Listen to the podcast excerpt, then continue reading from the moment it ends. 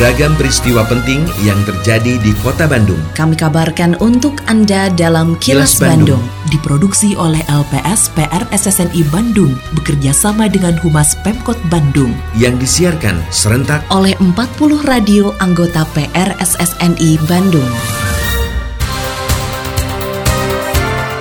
Sejumlah informasi aktual kami hadirkan untuk Anda dan inilah informasi utamanya. Meski mulai menggelar PTMT, Disdik Kota Bandung tetap sediakan PJJ.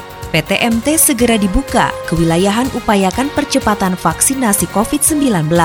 Pandemi COVID-19 mulai mengancam stabilitas nasional.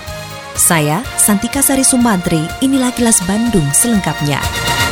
Orang tua siswa diberi kebebasan untuk mengizinkan atau tidak anaknya mengikuti pembelajaran tatap muka terbatas atau PTMT di Kota Bandung yang rencananya dimulai 8 September mendatang. Bagi yang tidak mengizinkan anaknya ikut PTMT, Dinas Pendidikan atau Disdik Kota Bandung tetap menyediakan layanan sekolah daring melalui pembelajaran jarak jauh atau PJJ. Kepala Bidang Pembinaan dan Pengembangan Sekolah Dasar Disdik Kota Bandung, Bambang Arianto mengatakan, dua moda pembelajaran tetap diselenggarakan agar tidak ada siswa yang ketinggalan materi sekolah ketika PTMT sudah dilaksanakan. Reporter Agustin Purnawan melaporkan, syarat utama diizinkannya menggelar PTMT adalah sekolah sudah memiliki Satgas COVID-19. orang tua diberikan kebebasan untuk mengizinkan atau tidak mengizinkan anaknya melaksanakan PTM dan jangan khawatir ketika anaknya tidak diizinkan PTM karena masih khawatir situasinya begini dan sebagainya. Insya Allah sekolah di kota Bandung siap melayani dua moda. Siap melayani PTM siap melayani yang PJJ kembali gitu ya Upaya percepatan vaksinasi COVID-19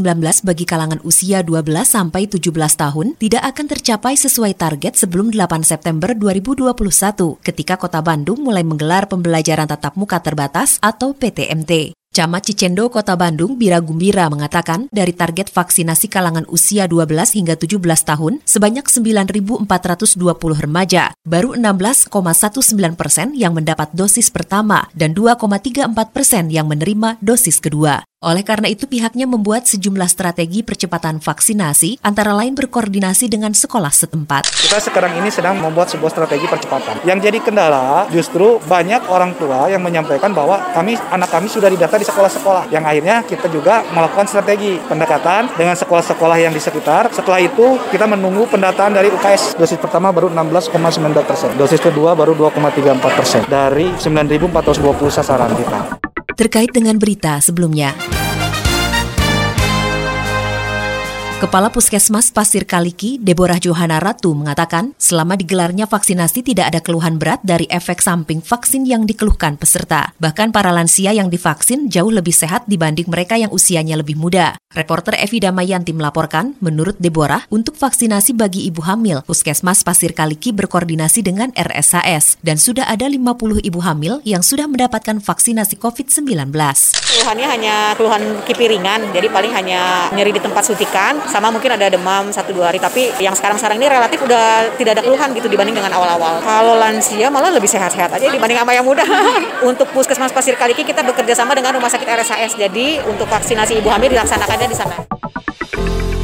Assalamualaikum warahmatullahi wabarakatuh. Sampurasun. Saya Kenny Dewi Kaniasari, Kepala Dinas Kebudayaan dan Pariwisata Kota Bandung, menginformasikan kepada Mitra Pariwisata Kota Bandung bahwa berdasarkan Peraturan Wali Kota Bandung Nomor 87 Tahun 2021 tentang pembatasan kegiatan masyarakat level 3 di Kota Bandung, untuk hotel, dibatasi paling banyak 50% tamu dari kapasitas jumlah kamar. Kegiatan meetings yang dilakukan di ruang pertemuan dan ballroom hotel diperbolehkan dengan ketentuan untuk ruangan dengan kapasitas di atas 1000 orang dihadiri paling banyak 100 orang, untuk ruangan dengan kapasitas 500 sampai 1000 orang dihadiri paling banyak 50 orang, untuk ruangan dengan kapasitas 100 sampai 500 orang dihadiri paling banyak 25 orang. Untuk kegiatan insentif, convention, dan exhibition yang dilakukan di ruang pertemuan dan ballroom hotel tidak diperbolehkan. Hotel tidak diperbolehkan membuka fasilitas spa, massage, pijat, dan refleksi. Untuk penyelenggaraan pernikahan, hanya diperbolehkan melaksanakan prosesi akad nikah, baik di rumah, gedung, atau hotel yang dihadiri paling banyak 20 orang. Ayo bersama-sama melaksanakan protokol kesehatan dengan disiplin. Iklan layanan masyarakat ini dipersembahkan oleh Dinas Kebudayaan dan Pariwisata Kota Bandung. Palang Merah Indonesia atau PMI Kota Bandung terus berupaya menyediakan stok darah dan plasma konvalesen tetap mencukupi di masa pandemi COVID-19. Salah satu upaya menjaga ketersediaan adalah dengan rutin membuka layanan donor darah dan plasma konvalesen. Kepala Unit Transfusi Darah pada PMI Kota Bandung, Uke Muktimanah menyebutkan, saat ini permintaan plasma konvalesen berkurang dibandingkan Mei hingga Juli lalu, seiring dengan turunnya jumlah kasus aktif COVID-19. Reporter Agustin Purnawan melaporkan, Uke berharap para penyintas COVID-19 untuk dapat mendonorkan plasma karena manfaatnya akan sangat baik bagi pasien. Ketersediaan stok darah dan plasma konvalesen ini sangat tergantung pada para pendonor. Jumlah kebutuhan darah tidak pernah menurun, sehingga jumlah pendonor reguler yang rutin diharapkan makin bertambah, baik yang rutin maupun yang plasma konvalesen, agar bisa menjaga stok darah di PMI.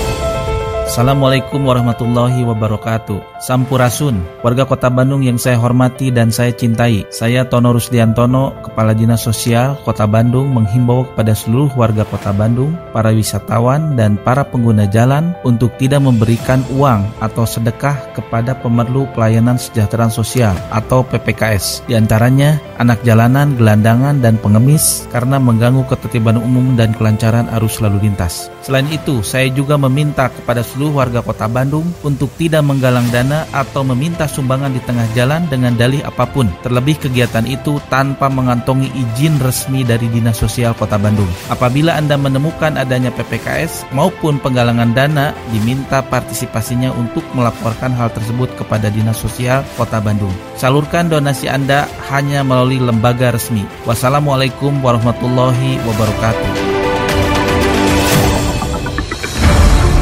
Kini, audio podcast siaran Kilas Bandung dan berbagai informasi menarik lainnya bisa Anda akses di laman kilasbandungnews.com.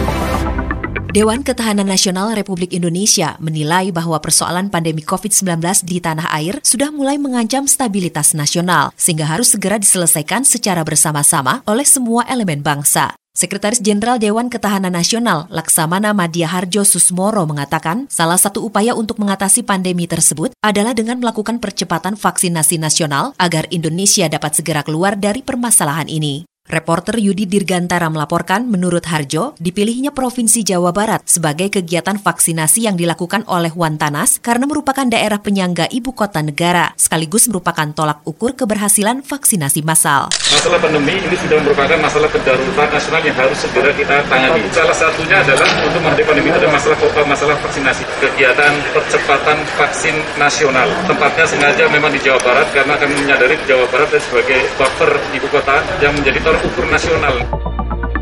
Lindungi diri, keluarga, dan orang sekitar dari COVID-19 dengan selalu memakai masker, mencuci tangan dan menjaga jarak, juga mengurangi mobilitas serta menghindari kerumunan. Patuhi protokol kesehatan di masa adaptasi kebiasaan baru untuk mencegah penularan virus corona. Terima kasih Anda telah menyimak Kilas Bandung bekerja sama dengan Humas Pemerintah Kota Bandung yang diproduksi oleh LPSPR SSNI Bandung.